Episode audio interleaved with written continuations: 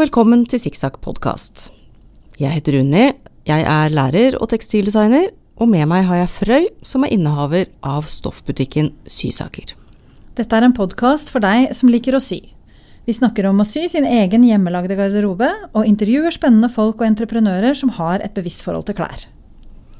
Og denne episoden, den handler om å ta en pause. Ja. Litt om hvorfor det er lurt å ta en pause innimellom. Ja. Hva slags pauser tenker vi på da? Er vi på jobbpause, sypause? Det vil nok være litt individuelt, fordi sånn som uh, For meg så var jo sommerferien uh, en sjanse til å sy, men for deg så var det kanskje å komme litt vekk fra det vanlige. Du lever jo i en syverden mye mer enn meg til vanlig. Mm.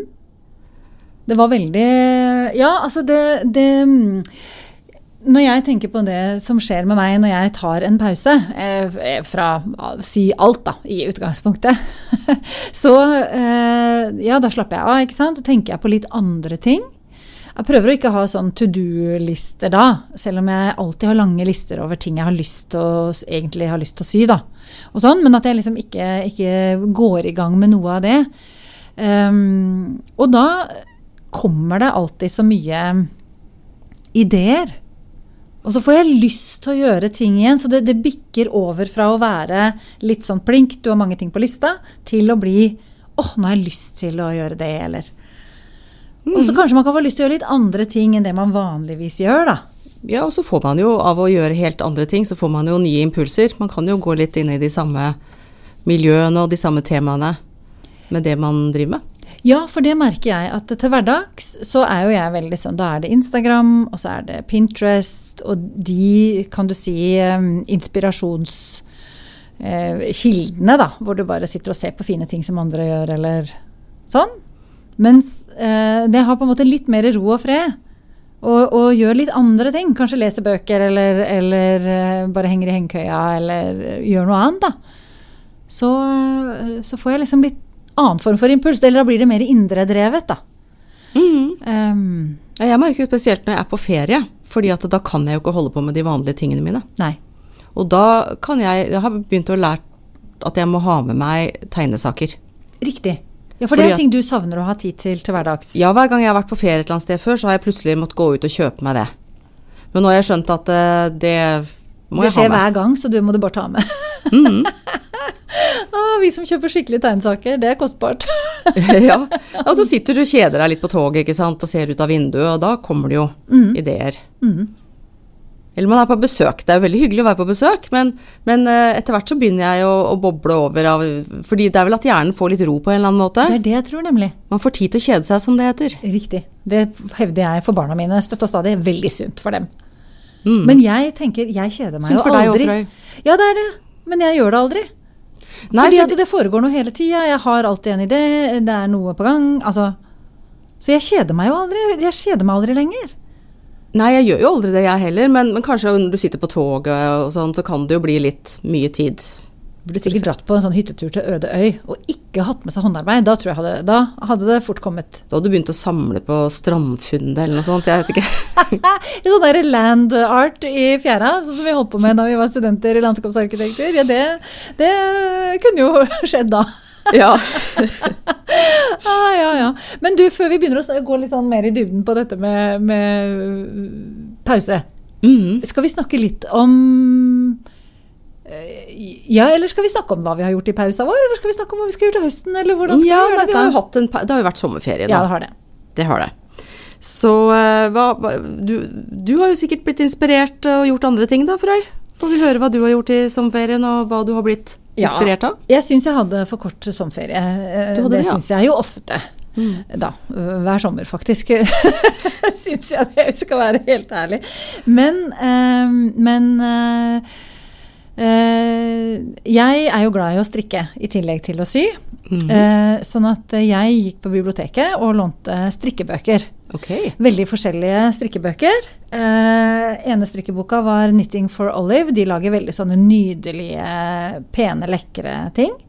Og så lånte jeg strikkeboka til Lerke Bagger, Mm. eh, som jeg tror bare heter Lerke Bagger Strikk. Eller noe sånt. Og den, det vil jeg si er eh, min mest eh, inspirerende eh, lesning denne sommeren. Da tar jeg med alt av romaner og ting og tang som jeg har lest. Altså. Fordi den der strikkeboka, den syns jeg var bare så herlig og nedpå.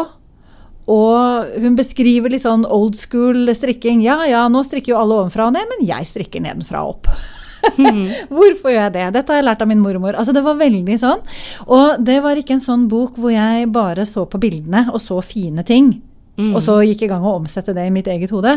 Men jeg leste hele teksten. Ja, for det er litt deilig når du kan bli litt fortapt i teksten. Ja, og det var nettopp det jeg blei.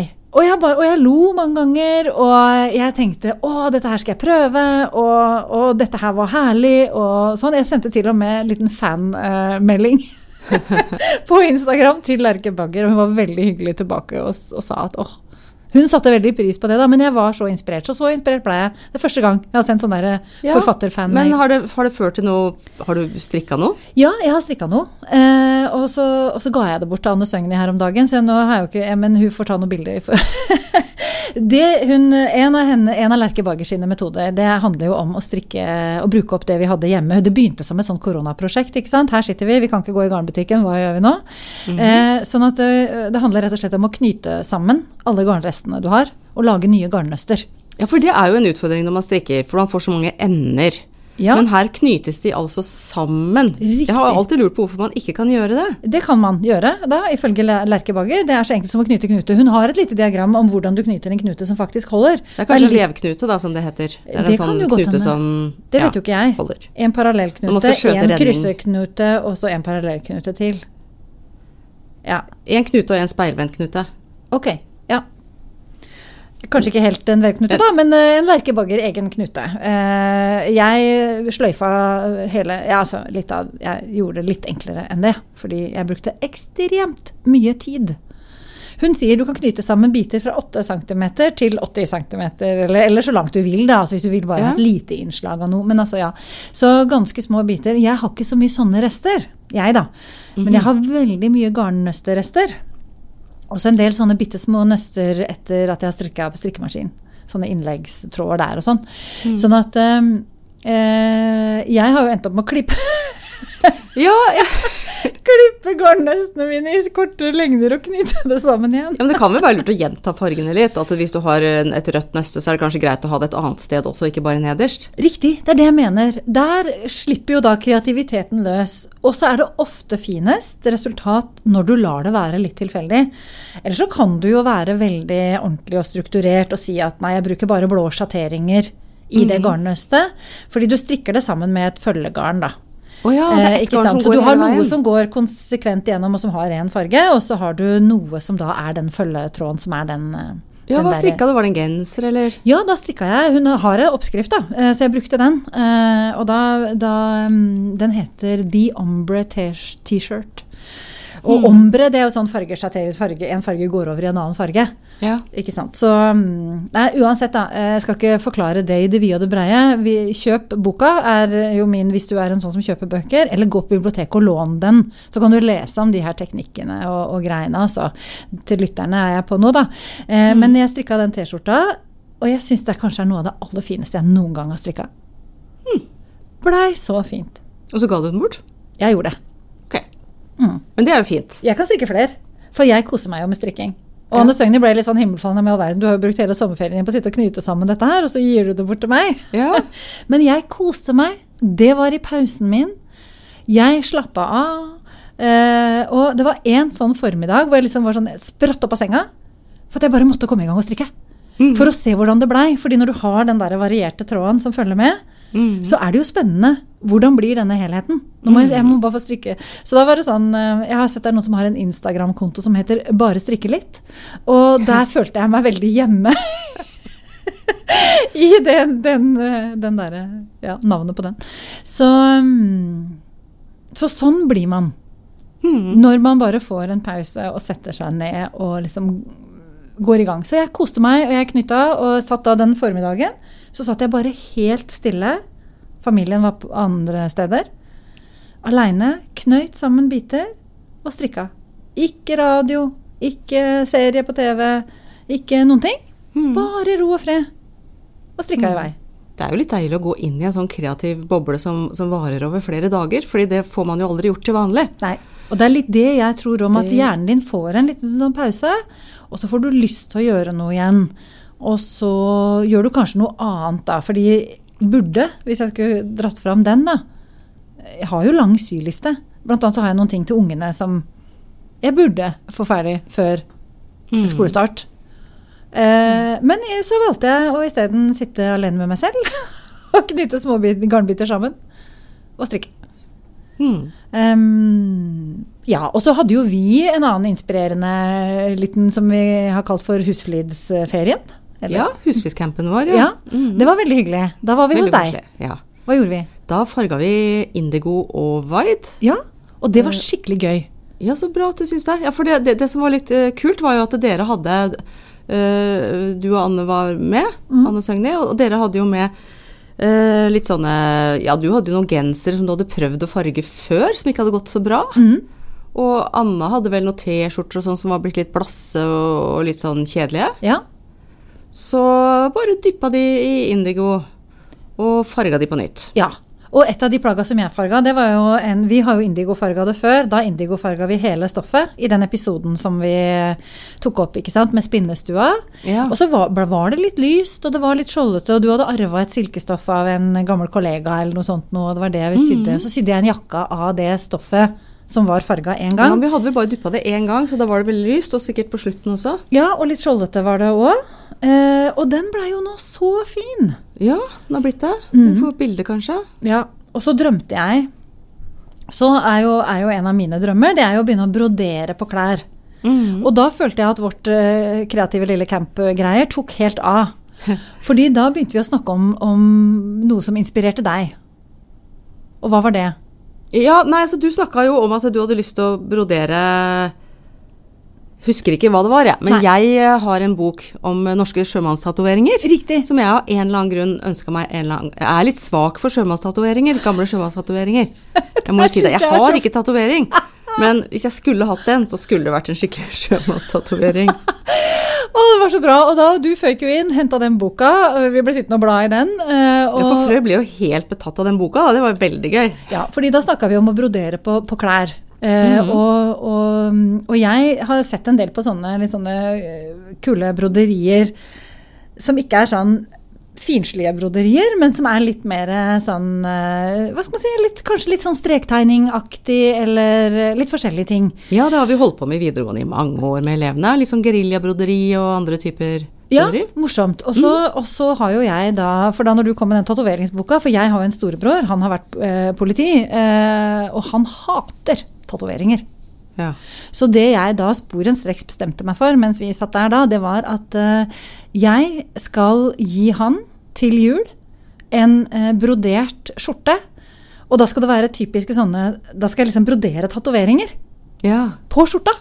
Det er veldig gøy. Det tror jeg blir så gøy.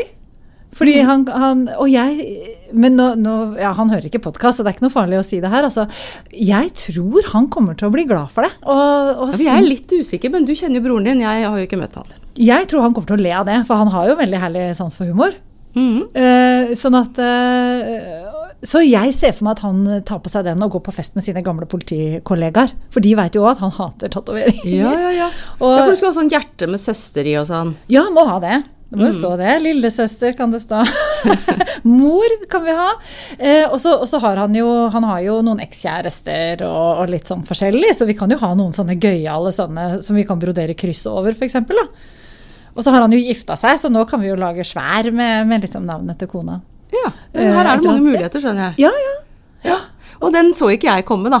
At uh, du skulle begynne å brodere sjømannstatoveringer i løpet av sommeren. Allerede dagen etter hadde jeg kommet meg ned på Asvo-butikken her på Kongsberg, som selger brukte klær, uh, og kjøpt en flott uh, bomullsskjorte hvit som passer i størrelsen til han. Mhm. Så nå er jeg klar. Jeg har ikke begynt. Men, øh, men det, det er øh, Nei, så da tenker jeg inspirasjon kan komme fra de rareste steder. Og når du da forteller at ja, jeg er kjempefascinert av, av sjømannstatoveringer, da lo jeg godt, altså. For det er aldri, aldri før har jeg henta inspirasjon fra, fra sjømannstatoveringer. Men det betyr jo bare at du kan jo Mm. Hente inspirasjon fra Ja da, og jeg var jo på um, Jeg var eh, på ballettforestilling Ja. helt på starten av sommerferien Ja. i Den Norske Opera og Ballett. Oi. Og da så jeg A Swan, A Lake? Swan Lake. Ja, Svanesjøen. Mhm. Eh, en moderne variant av den, da. Og, og, og da, midt i alt regn og dansingen, så, så begynte jeg å se for meg ting jeg skulle lage. Ok. Og det var liksom bare veldig Smekk på. ting jeg skulle veve. Ja. Mhm. Ikke sant. ja så det Helt uten kontekst. Du satt, ikke, du satt ikke og leita på vevende At jeg satt med mobilen. og vevebøker og veve ditt og veve datt. Du rett og slett satt og så ballett og fikk uh, ideer. Ja. Det er det jeg mener. Mm. Så det kan komme fra mange steder, ja. Ja, og ballettforestilling er jo en pause fra veving. Mm. I utgangspunktet. Eh, ja, Ja. er jo det. Ja, for jeg har jo uh, utforska veving i sommer. Ja. Fordi det var jo mange år siden uh, Vi har jo snakka om før at jeg skal begynne å studere til høsten. Mhm. Jeg skal studere tradisjonskunst. Ta en master uh, på Rauland. Og mitt, min teknikk er veving. ja. Og jeg er jo utdanna veving, veve, vever. Eller har veveutdannelse i, utdannelsen min. Ja. Du er vever. Jeg er vever. Ja. Eh, men det er veldig mange år siden, så jeg hadde glemt ting litt. Så Ja. jeg måtte repetere. Ja. Mm. Så jeg har eh, kjøpt meg vev. Ja. satt opp, skaffa meg utstyr. Vi har begynt å, å orientere meg i hva som fins Ja. av uh, garn i Norge i dag. Ja. Ikke sant? Hva fins? Ja. Og så uh, har jeg satt opp, da. Se om jeg husker det. Jeg huska det. Du huska det. Ja, Men. Det, var, det var ting jeg måtte streve litt med, for den veven var jo litt annerledes. Ja. Um, Og jeg har ved selvsyn sett det jeg ikke trodde kunne stemme, at du har fått plass til den veven på det der eh, som før da var et lite syrom. ja, Ja, det fikk jeg. Ja. Litt trangt. Men det går bra. det går bra. Mm. Så, så da har jeg jo også Og så har jeg nå, akkurat nå holder jeg på med å veve denim. Ja. Som eh, var et av mine sommerprosjekter, da. Ja. Hvor fikk du den ideen fra? Det lurer jeg litt på. Sikkert deg, Frøy. Å, tror du det? Ja. Det var litt deg, tenker jeg. Jeg fiska og ikke etter det nå, så jeg bare lurte på det. Hvor kom Jo, men vi hadde jo også den episoden hvor vi snakka med Tor Hemma om, eh, om eh, menn, velkledde menn, heter Ja, den. mhm. Eh, Hvor det var en del snakk om denim og selvage og, og, og sånne ting. Mm. Sånn at jeg lagde jo en liten sånn stripe bare, da, på 25 cm, ikke sant? Bare Ja. for å se om jeg kunne få det til. Eh, Da er det kypertbinding. Kypertbinding, ja. Og, så, og, og jeg leta og leta, var så vanskelig å finne oppskrifter. Oh, ja. Altså, jeg fant ikke noe Det var ett sted jeg fant noen som hadde prøvd å veve denim. ja. Men, men det var uh, det var Det trodde jeg flere hadde prøvd. Sånn på egen hånd. ja. Men Så jeg jobba en god del med det. Uh, og så har jeg jo farga garnet selv med indigo. Ja. Bomullsgarnet Mhm. fra Solbergspinneri. Og så har jeg farga en sånn rød stripe i kanten, for jeg måtte jo lage sånn selvage-kant. Å ja! Ja, så jeg har sånn selvage av hvitt og rødt. Hvitt med rød stripe på. Og så har jeg blått på midten. Nå er jeg veldig lei meg for at den biten er så liten. Ja. Jeg er litt usikker på hva jeg skal bruke den Nei, biten er til. Om det blir noen væsker eller Jeg tenkte jeg skulle spørre deg skjønner om noen tips til uh... Ja, Det må vi finne ut av nå, for det, er sikkert, det må jo være fantastisk gøy. veldig, Det var veldig gøy. Og så er det jo med, med denim så er det jo sånn at, at redningstrådene, de som står i veven, er jo blå. Mm. Og så slår man inn. Innslaget man slår inn med, er hvitt. Ja.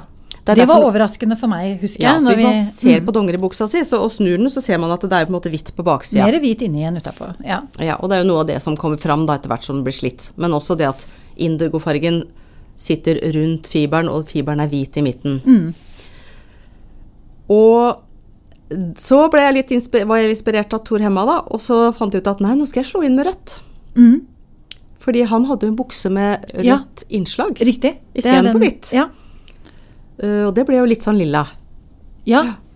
Og det var Jo, gøy. og, det, så, og jeg har jo også sett noen sånne bukser. Jeg husker jeg hadde en, en, en som jeg kjente da jeg var helt nyutdanna og jobba i, i Stavanger, eh, en arkitekt. Og han hadde sånne olabukser som var vanlig blå på utsida, og så var de røde inni når du bretta opp.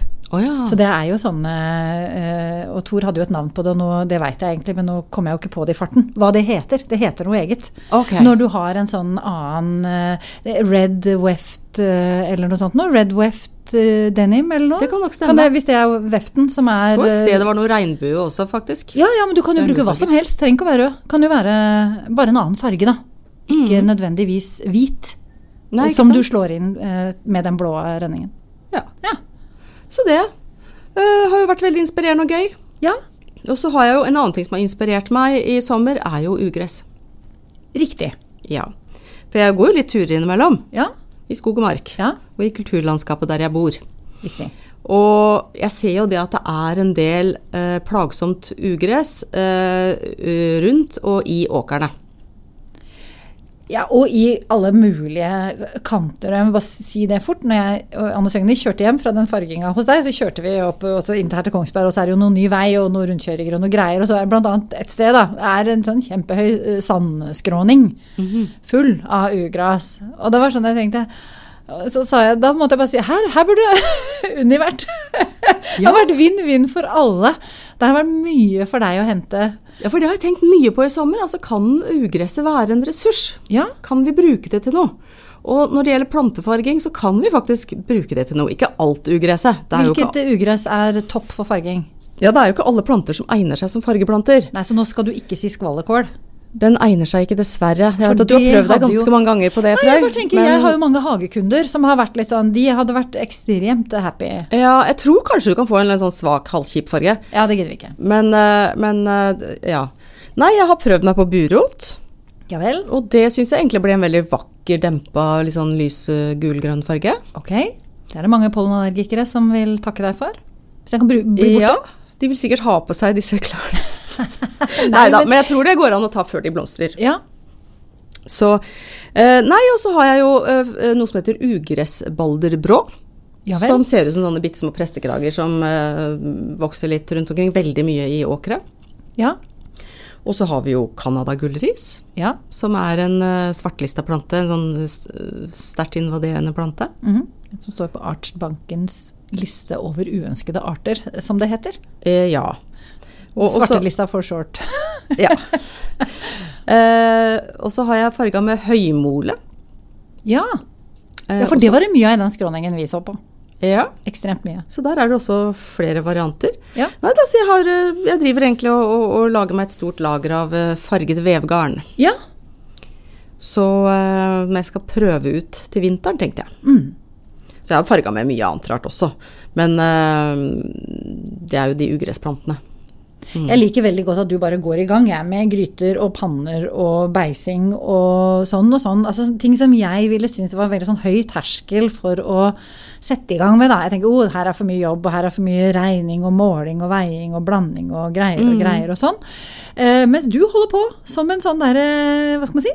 Slags eh, fargeheks, og koker og syder og inn og ut og måler og med, med reagensglass og PH. Vekter og pH-strips og ja, ja. veldig sånn. Ja, det nei, men det det er jo- er veldig inspirerende. At det er litt sånn ja, nei, nå har vi lyst til å finne ut av det, så da tar vi den jobben. Ja, for jeg tar det litt sånn eh, veldig, Det er veldig sånn eh, når jeg får en, en idé, Ja, og så tenker jeg å ja, går jeg tur, og så sier jeg ah, det der, den er det veldig mye av, den der ugressbalderbråen. Mhm. Kanskje den kan brukes til farging. ja.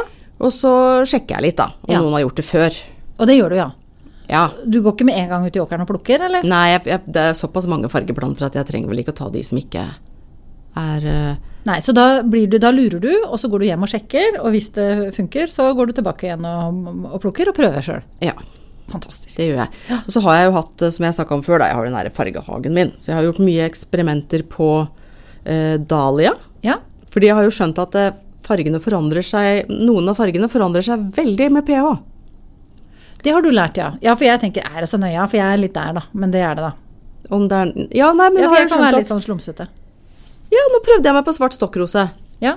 Uh, og så, så, så og spinnestua der jeg kjøpte den, sa ja, da pleier man å få lilla farger eh, og sånn. Og så kom jeg hjem, og så ble det blågrønt. Å ja, det var liksom noe helt annet. Uh, Det var ja, egentlig okay. komplementært til Lilla, det, hvis vi skal være litt nøye. ja. sånn, ok, blågrønt. Um, men da fant jeg ut at hvis jeg senka pH-en med to trinn, da, Ja. så fikk jeg også lille. ja. Så det, det, er, det er fascinerende, det er en stor verden. Ehm, men i hvert fall det, det har jeg blitt veldig inspirert av. Og så har jeg også testa ut uh, Vaid i hagen min. Og prøvd å lage min egen blåfarge. ja, og det fikk vi jo kjempe Det fikk du jo veldig bra til, fordi Nei, det gikk bra en stund. Å ja, men for når vi var og farga, så var det jo nesten sånn at det var den Vaiden som var mest vellykka. Nei, men den hadde jeg kjøpt. Og sånn, ja. Jo jo, ok da, men Vaid, liksom. Ja. i seg sjøl. Ja, altså Guide er jo familie med indigo. Ja. Det er jo en indigo-type, men den er litt svakere enn den uh, Østen-indigoen. Ja, men den så bare ikke svak ut. Altså, det overraska meg da, at den ikke var Men det kan kanskje ha med konsentrasjon eller andre ting å gjøre, da. Men den blei jo i hvert fall veldig veldig fin og blå på noen greier som Anne Søgni farga. Mm, Ja. Den ble jo det. Ja. Ja. Så jeg prøvde, men jeg prøvde å lage og utvinne mitt eget indigotin fra mine egne whiteplanter. Det er riktig, og det tror jeg du dreiv med mens min mann Marius var innom uh, og for å skulle hente et uh, sybord som jeg kjøpte Ja, det gjorde nok inntrykk. Ja, for jeg forklarte at dette kunne jeg gjøre med urin, og det ville være miljøvennlig og fint. Uh, Og en sikker metode. Ja. Men at vi også har en mod- moderne metode hvor vi bruker kjemikalier. ja, og så da gikk det jo noen dager.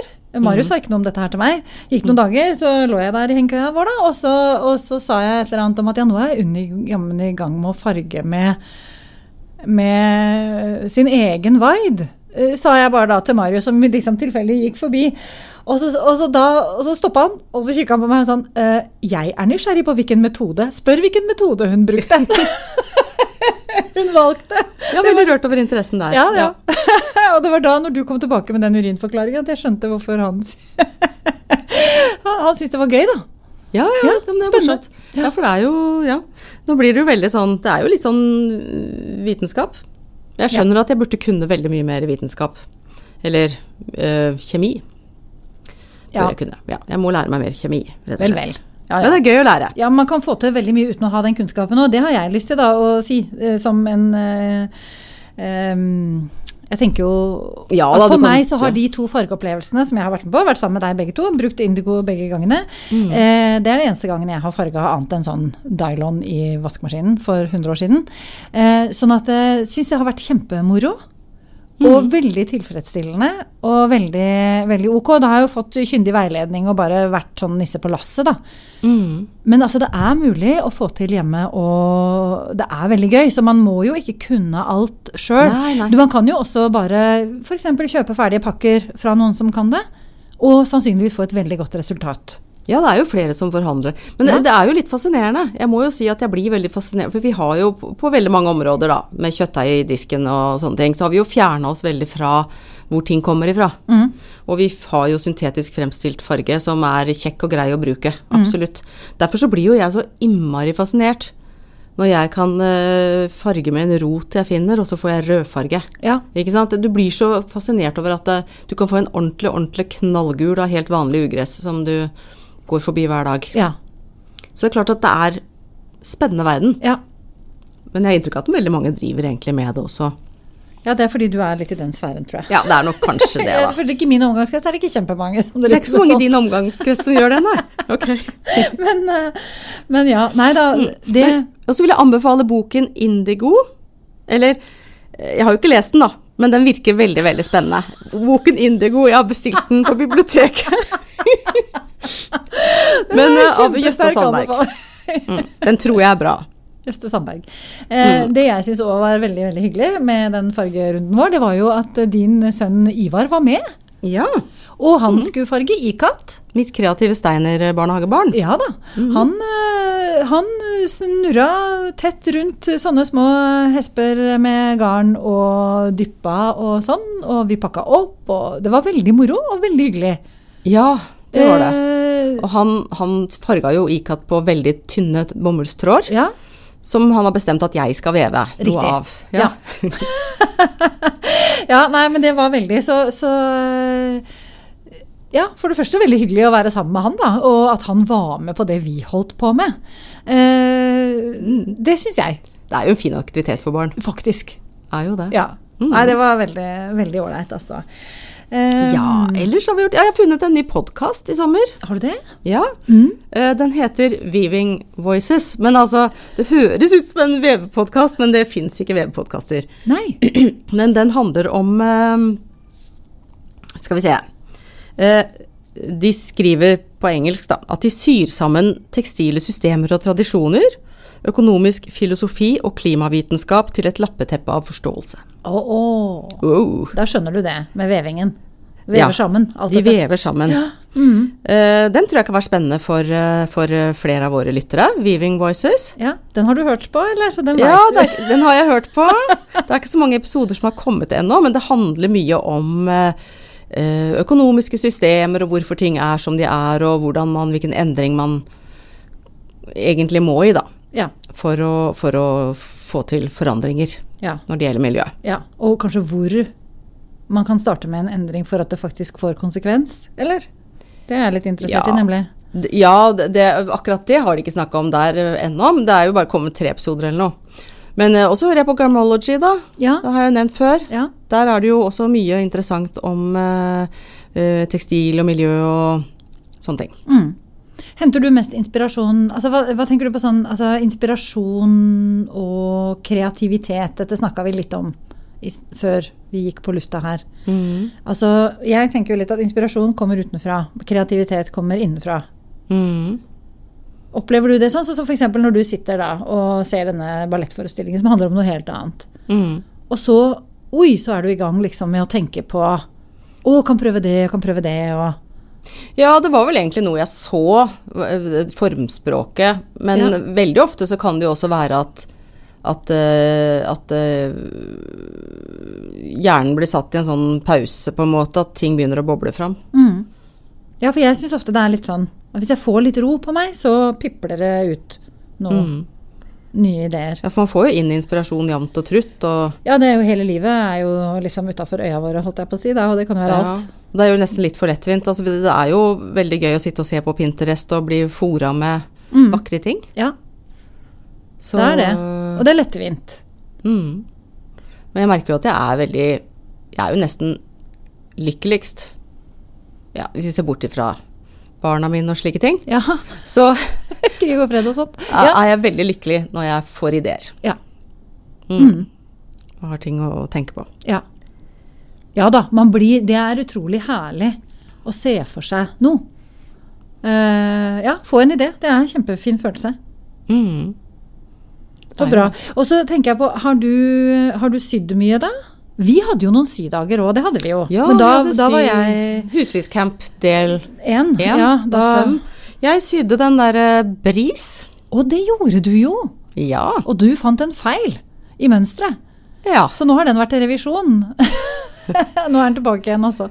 Ja, Ja, nei, jeg sydde bris uh, i, i hvit lin, og så sydde jeg bris i et sånt uh, stoff jeg har kjøpt uh, Ja. i sånn indigofarga blokktrykt. Ja, fra, som, ja på Etsy. Så det er vel egentlig det jeg har sydd Ja.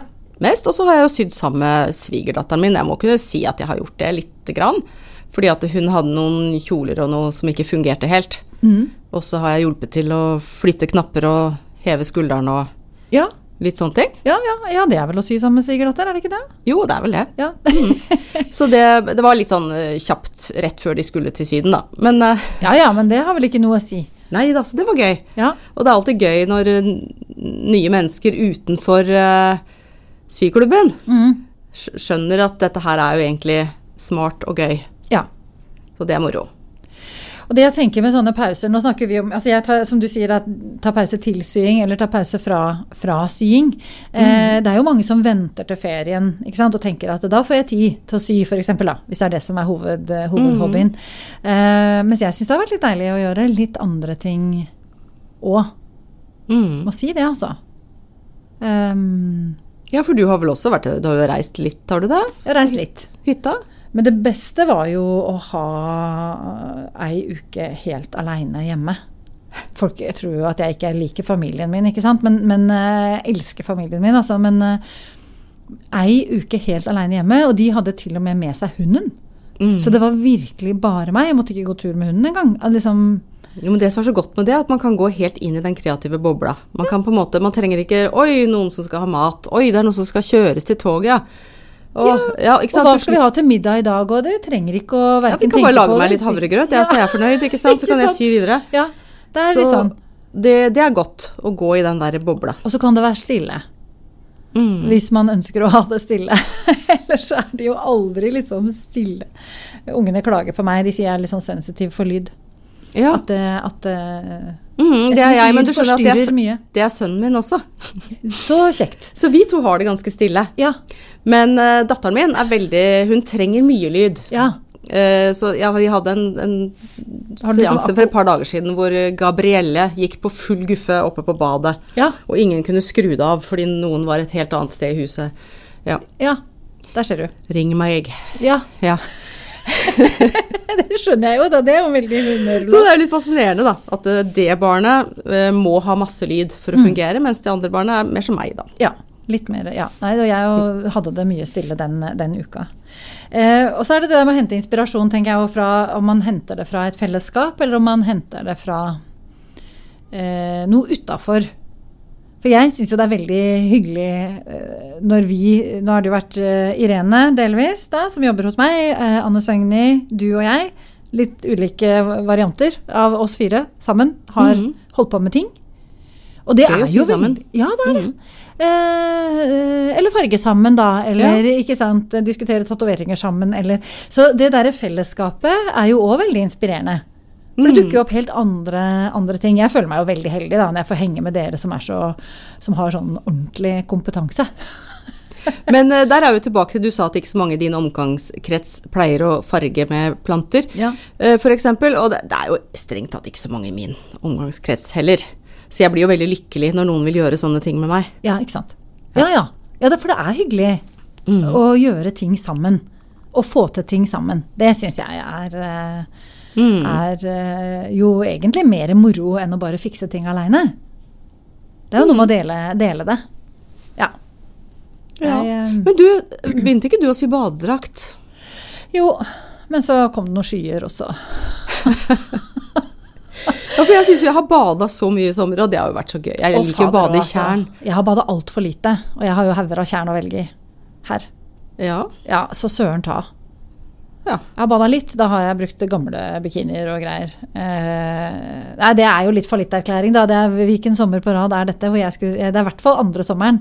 Nei, ja, jeg kom så langt at jeg fikk eh, sydd eh, eh, Ja, nei, nei da. Jeg tror jeg, Altså, det jeg vil si om det Dette høres ut som bortforklaringer. Uh, Nei, først vil jeg si at det var overraskende enkelt. Jeg har grudd meg. Jeg har tenkt dette er vanskelig.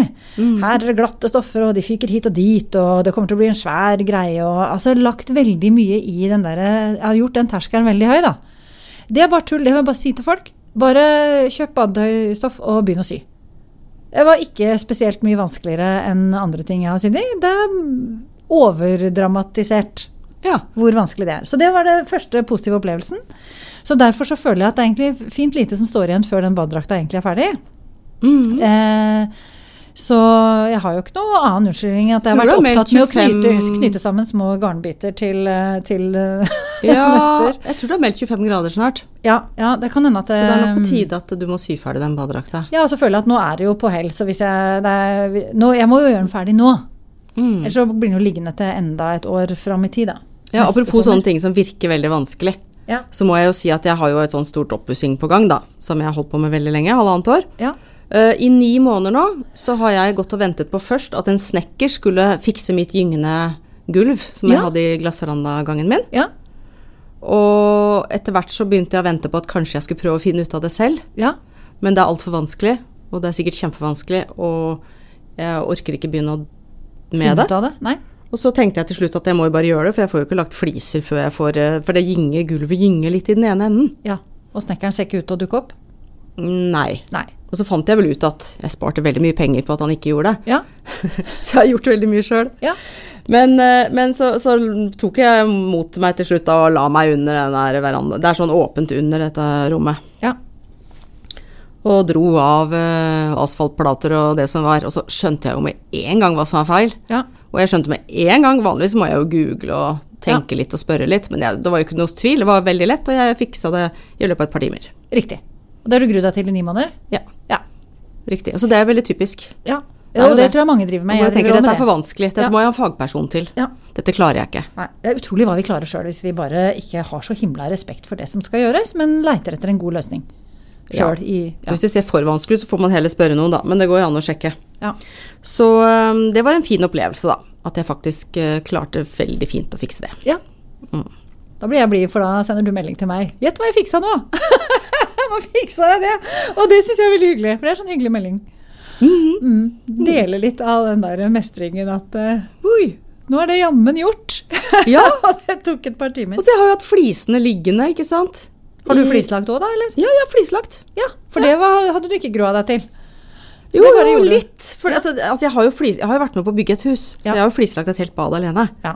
Så jeg vet jo at jeg kan det, men, men når jeg skulle begynne, så tenkte jeg at dette her er veldig vanskelig. Ja. Dette her må jeg kanskje leie noen til.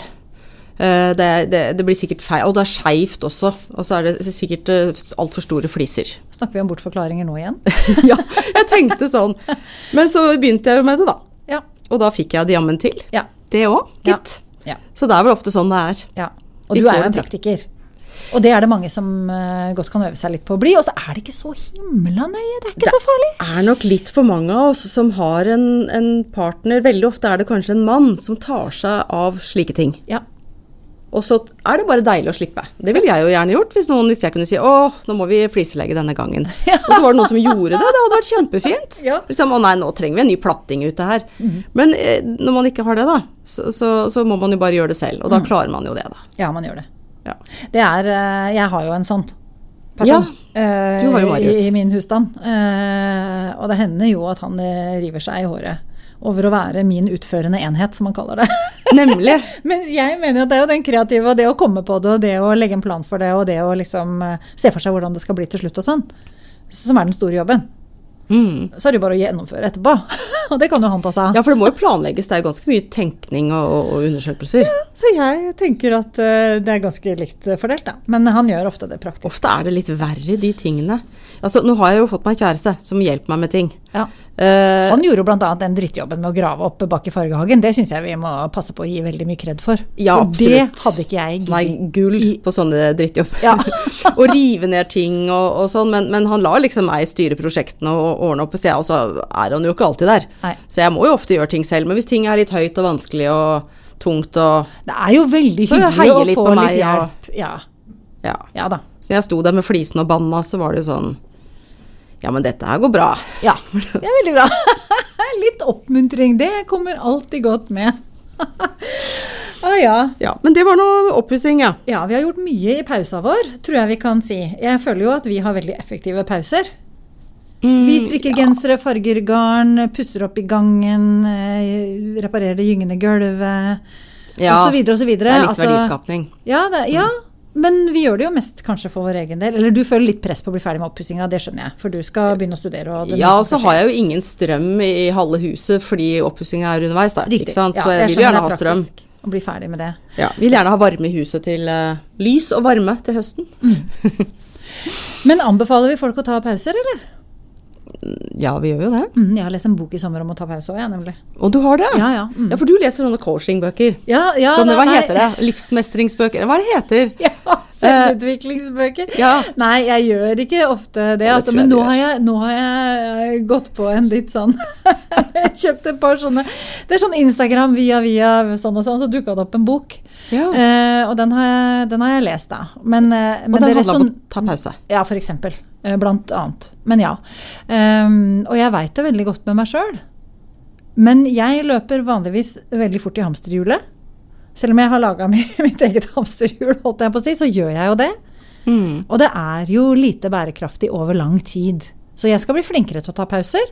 Og jeg føler at den sommeren som har vært nå, har vært et, ehm, et eh, godt eksempel for meg i hvert fall på at det lønner seg å ta pause. Og gjøre noe annet eh, enn det du vanligvis gjør, for å kanskje få lyst til å gå tilbake igjen til det. Og at det skal føles mer lystbetont når du er tilbake igjen. Eh, Det er min eh, sommererfaring fra i år. Ja. Ja. Så hvordan skal vi klare det når høsten kommer, da? Ja, og vi skal liksom inn i hamsterhjulet igjen? Ja, nei, jeg tenker jo at jeg skal f.eks. bli helt konkret da, flinkere til å, å ha fri i helgene. Og at det å ha fri ikke bare skal bety at jeg skal sy meg en eh, jumpsuit med 1000 detaljer. eh, men at, eh, at hvis jeg begynner på det, at jeg skal tenke at jeg kan gå fra den eh, halvferdig. Jeg kan gjøre noe i morgen, og jeg kan gjøre noe neste helg. Og helgen etter det igjen. Fordi at jeg faktisk trenger noen pauser, selv om det er pauser fra ting som jeg syns er hyggelig og morsomt. så blir jeg sliten av det hvis jeg tyner det maks. Ikke gjøre for mye av det samme, altså, rett og slett. Ja, kanskje det. Hmm. Og faktisk bare ta den typen pausen som er sånn å ha det bare rolig og fredelig, da. Og ikke gå ha input og selvlæring, selvutviklingsting. Um, Ikke lese på øra når du går tur med hunden, f.eks. sånn, jeg har ikke det, altså. Jeg gjør ikke det. Men gå tur på hunden med hunden når du går tur med hunden. Sånne ting. Ja, for det er jo strengt tatt veldig mange ting man skal være flink med her i verden. Ja, nei, man skal til og med være flink til å passe på seg selv. Ja. Man skal være flink til å ta pauser. man skal være flink til å utnytte tiden og Ja, men det må Alt komme innenfra. Du må, du må se at det er noe som faktisk har en positiv effekt i mitt liv. Før du liksom, Du må ikke, du må ikke ta pause fordi vi sitter her nå og anbefaler folk å ta pause. Hvis du hører på denne podkasten. Det er ikke det jeg mener. Du må kjenne det sjøl at det har verdi for deg. Men jeg, for meg har det verdi. Jeg kommer ut i den andre enden mer produktiv og mer kreativ. mm. Og jeg merker jo det at det, det å kjede seg litt, eh, sitte på toget, se ut av vinduet, sånne ting, Ja, Dagdrømming det er jeg veldig tilhenger av. ja, det er også fint. Det jeg driver mye med i livet mitt, og det skal jeg gjøre mer av. Det var veldig mye av det i barndom. Ja, var det! Mye skoletid tilbrakt med helt andre ting inni hodet. Jeg har veldig mange sånne bilder fra barndommen. Sånn dråper som renner på vinduet. Insekter som går forbi. Jeg tror det er vel kanskje noe som barna av og til ikke får i dag. Sitte og se på det. Ja, for det er jo alltid noe å underholde Ja, nei, de ungene mine er på telefonen. Ja, man er jo det. Det sekundet Det er ingen, unge, ingen barn som er, eh, som er sure for å måtte vente mens du er i butikken lenger, for de tar bare fram eh, mobilen sin. Ja. Mm. Men Ja. det er en pause, det òg. Det er en pause, det òg. Og jeg spiller jo Candy Crush. Vet at det er litt flaut å si. Å, det spiller du! Ja, jeg Ja. spiller sånne sudoku-ting og blokkdoku og summere tall-greier. Ja. Ja, det, så det, så Jeg får reklame for Candy Crush hele tida.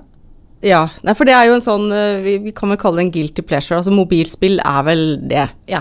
det, det noen syns at det er litt uh, Sånn som sudoku, det er sikkert godkjent, for det er liksom litt mer intelligent. ja, for da, da forebygger man Alzheimer og holder på. Ja. Så det er kjempebra. Du skal ikke se bort ifra at du kanskje gjør det når du spiller Candy Crush heller.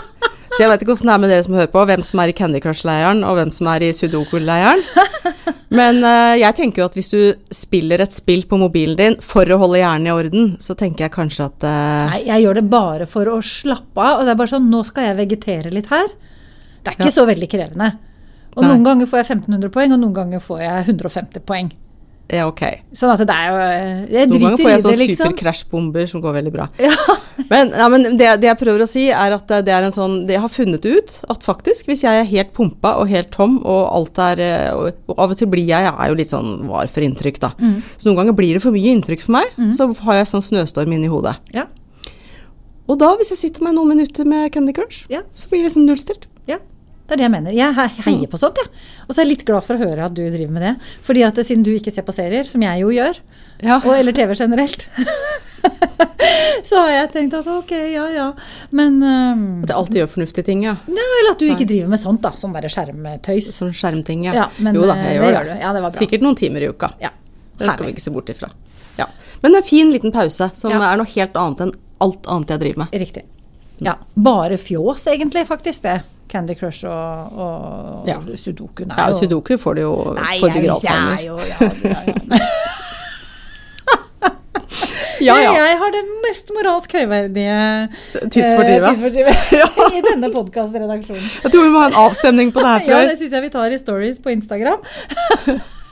Da skal vi kartlegge lytterne våre. Camp eh, Candy Crush, eh, Camp eh, Sudoku. Ja, Herlig. veldig spennende. Ok.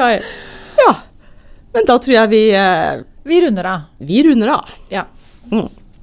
Og dette var dagens episode av Sikksakk podkast. Du finner meg Unni på www.unnistrand.no. Vet du hva, Unni? Det kommer jeg til å tenke på nå. Jeg òg. Nå må vi bla i papirene våre. Det er ikke vi- så lenge man eh, Nei, men vent nå. Vi, vi skulle jo Nei da, vi, vi pauser ikke. Blås i det. Ok. Ja. Eh, Vi skulle snakke Fordi vi har nemlig Forrige episode var en skravleepisode, og dette var en skravleepisode. Så vi har vel litt lyst til å fortelle folk at det kommer noen litt sånn skikkelige episoder eh, snart. En ordentlig episode. Ja, for neste episode er jo en ordentlig episode. Og hva har vi da? Da har vi snakka med Benjamin Lien, Ja? også kalt Nålebinderen, Ja? Om håndsøm og nålebinding og lamaer og Var det, var det lamaer, eller var det Alpakka? alpakka? Jeg husker ikke. Og litt av hvert. Ja? Det blir spennende. Ja? Og så har vi jo eh, en episode om hodeplagg som Riktig. kommer. Ja? Og det er litt skikkelig søm. Det er ordentlige ting. Ja, det er ordentlige ting, syns vi. Og så skal vi snakke med, eller vi har snakka med, eller hun kommer eh, utover høsten, Tone Skårdal Tobiasson på besøk som gjest. Ja, Eh, Det er òg en veldig skikkelig episode. det blir spennende. Ja. Det gleder jeg meg til. ja. Um, Sånn at det, det bare folkens, eh, bear with us. Hvis du er en av de som ikke liker skravleepisodene, så, så, så kommer det noe for deg snart òg. ja, men vet du, når jeg sa www.unistrand.no, så kom jeg på at eh, den kommer jo ikke til å vare så mye lenger. Nei. For det har jeg vel egentlig ikke sagt. Nei. At eh, jeg skal legge ned bedriften min. Jeg vet nesten ikke om jeg skal begynne å gråte eller hva jeg skal, men jeg veit at du er veldig litt letta. Jeg har tenkt på det i, i veldig lang tid. Ja. Men nå skal jeg jo starte med å studere, og da tror jeg kanskje det bare blir litt for mye ved siden Ja. av jobb og familie og alt. ja. Så øh, jeg blir nødt til å legge ned den nå, tenker jeg. Så det betyr jo at øh, jeg kommer til å ha nettbutikken åpen ut september. Og det er så kort tid? Ja, altså for nettbutikken fornyes da, Ja. Mm, for et halvt år. Ja, det skjønner jeg. Men eh, det, det vil nok sikkert være mulig å kontakte meg fram til jul hvis jeg har noe på lur, men det er ikke sikkert jeg har noe, noe lenger. Men, men så hvis du har en eller annen favoritt og det fortsatt finnes noe igjen av den, så, så kan det være lurt å, å prøve å få tak i den, for det er ikke sikkert at jeg kommer til å Nå er du Ja. veldig forsiktig. Folkens, løp og kjøp. Det er nå du har sjansen. Nå er nesten jeg får litt tårer i øynene her. Det er ikke sikkert jeg kommer til å lage flere stoffer. Nei, nei, for meg. Vi skal aldri si aldri, Unistan. Nei. Men, men sånn er det i hvert fall, da. Ja, Så Men apropos det og du har det bra med å ha bestemt deg for det. eh, Ja, jeg tror det, For Ja. eh, det er jo godt å prøve noe nytt også. Ja. Mm, Og så blir det jo knall med de studiene. det blir så spennende. Ja. Det gjør det. For det, det er jo som sagt mye som skal skje til høsten, og vi skal jo f.eks. være med, vi i Sikksakk podkast skal Ja. være med på Eikers femårsjubileum. Ja, Eikers. Du. Ja. Eikers Eiker ja. femårsjubileum, faktisk. For short så sier vi bare Eikers. Eikers Ja, Det er 22. til 23. oktober. Ja. Da skal vi være med med noe. Ja. Og så skal i hvert fall jeg stå der med en salgsbod. Å, sier du det, ja? Ja, og da tenkte jeg, fordi at når jeg kikker i, i, i sakene mine, så har jeg jo veldig mye sånne rare prøver og ting som aldri har blitt produsert. Mm. For eksempel. Å ja, Andre fargevarianter ja. av stoffer jeg har, og, og, og litt sånn da kan man få sånn derre hva, hva heter det? da? Det heter sånn, eh, sånn eh, Nei, men kjære vene. Ikke, ikke limited edition, men eh, du vet når du lager sånn grafikk, så heter det noe spesielt når det bare finnes én eller uh, av slagsen sånne unikum-greier. Uh, One of a kind. Ja, altså det heter noe da, men nå kommer jeg jo ikke på det. Ja, Blås i det. det men det kan man få tak i på Eiker Ja, da tror jeg jammen jeg skal ta med rusk og rask og, og ha en liten opprydning. Kall det rusk og rask. Ja, det er ikke rusk og rask, det er mye fint. Ja. Absolutt. Det er det jeg tenker. Ok, ja, også, også når vi snakker om um, Vi har jo hatt noen husflidsdag på besøk, men vi skal jo òg ha mm, Trondheim bibliotek som gjester i podkasten. For de har jo òg noe syrelaterte greier å, Ja, det var i forhold til eh, redesign og reparasjoner og ja, sånne ting. og til å bruke bibliotekene til, til sånt. Ja, Eh. det også. Og så skal vi ha digitalt sytreff. Ikke Det- sant? Ja, Ja, det er eh, 5. og 6. november. ja, så da blir det digitalt sytreff igjen. Ja, og da blir det sikksakk-episode-anslag òg. Ja, Ja. det blir det. Ja, og så er det jo ikke bare vi som er med på det femårsjubileet til Eiker husflidslag, da. Det, når det er sagt. Det skal eh, skje mye spennende annet der også. Mm. Og så en ting til som er litt spennende som skjer på tekstilfronten i vårt nærmiljø nærmeste tida, det er jo en sånn tekstilfestival på Solberg spinneri. Det har jo ikke vi i og for seg noe med å gjøre, men det tror vi blir et uh, arrangement som uh, kanskje det kan være verdt å Ja, følge litt med på. Der er det jo fokus på mye sånn eh, drakthistorie, eh, søm av historiske klær eh, og sånn. Det er i slutten av september. Ja, og da en av mine medstudenter fra Rauland skal holde et foredrag om hvordan ta flekken, f.eks. Så det er litt variert, eh, litt forskjellige ting der òg. Så jeg tror det blir litt sånn åpent for publikum. Ja, så jeg tenker Solberg spinneri, det er stedet nå Hvor i det høst. ja. Der skjer det litt hardt. Ja, Men okay, da, da tror jeg vi kan gi oss. da har vi fått sagt det vi skulle. Ja. Yes. Eh, dette var dagens episode av Sikksakk podkast. Du finner meg, Unni, en liten stund til på www.unistrand.no. Og Frøy lenge, lenge mer på www.sysaker.com. Du kan ta kontakt med oss via Instagram og kontaktskjema på nettsiden www.sikksakk.com. Støtt oss gjerne ved å dele podkasten med folk du kjenner som er glad i å sy, og som er opptatt av tekstil. Og hvis du vil støtte oss økonomisk, så kan du gjøre det på Kofi. Eh, Det er lenke til Kofi både på vår nettside og i din egen podkastspiller. Ja, der hvor du leser om episoden. Ja. Denne episoden her er spilt inn på Kongsberg bibliotek med uvurderlig hjelp av bibliotekar Gavin. Så tusen takk for at du hjelper oss, Gavin. Hipp hurra for Gavin. Og ha det bra! Ha det.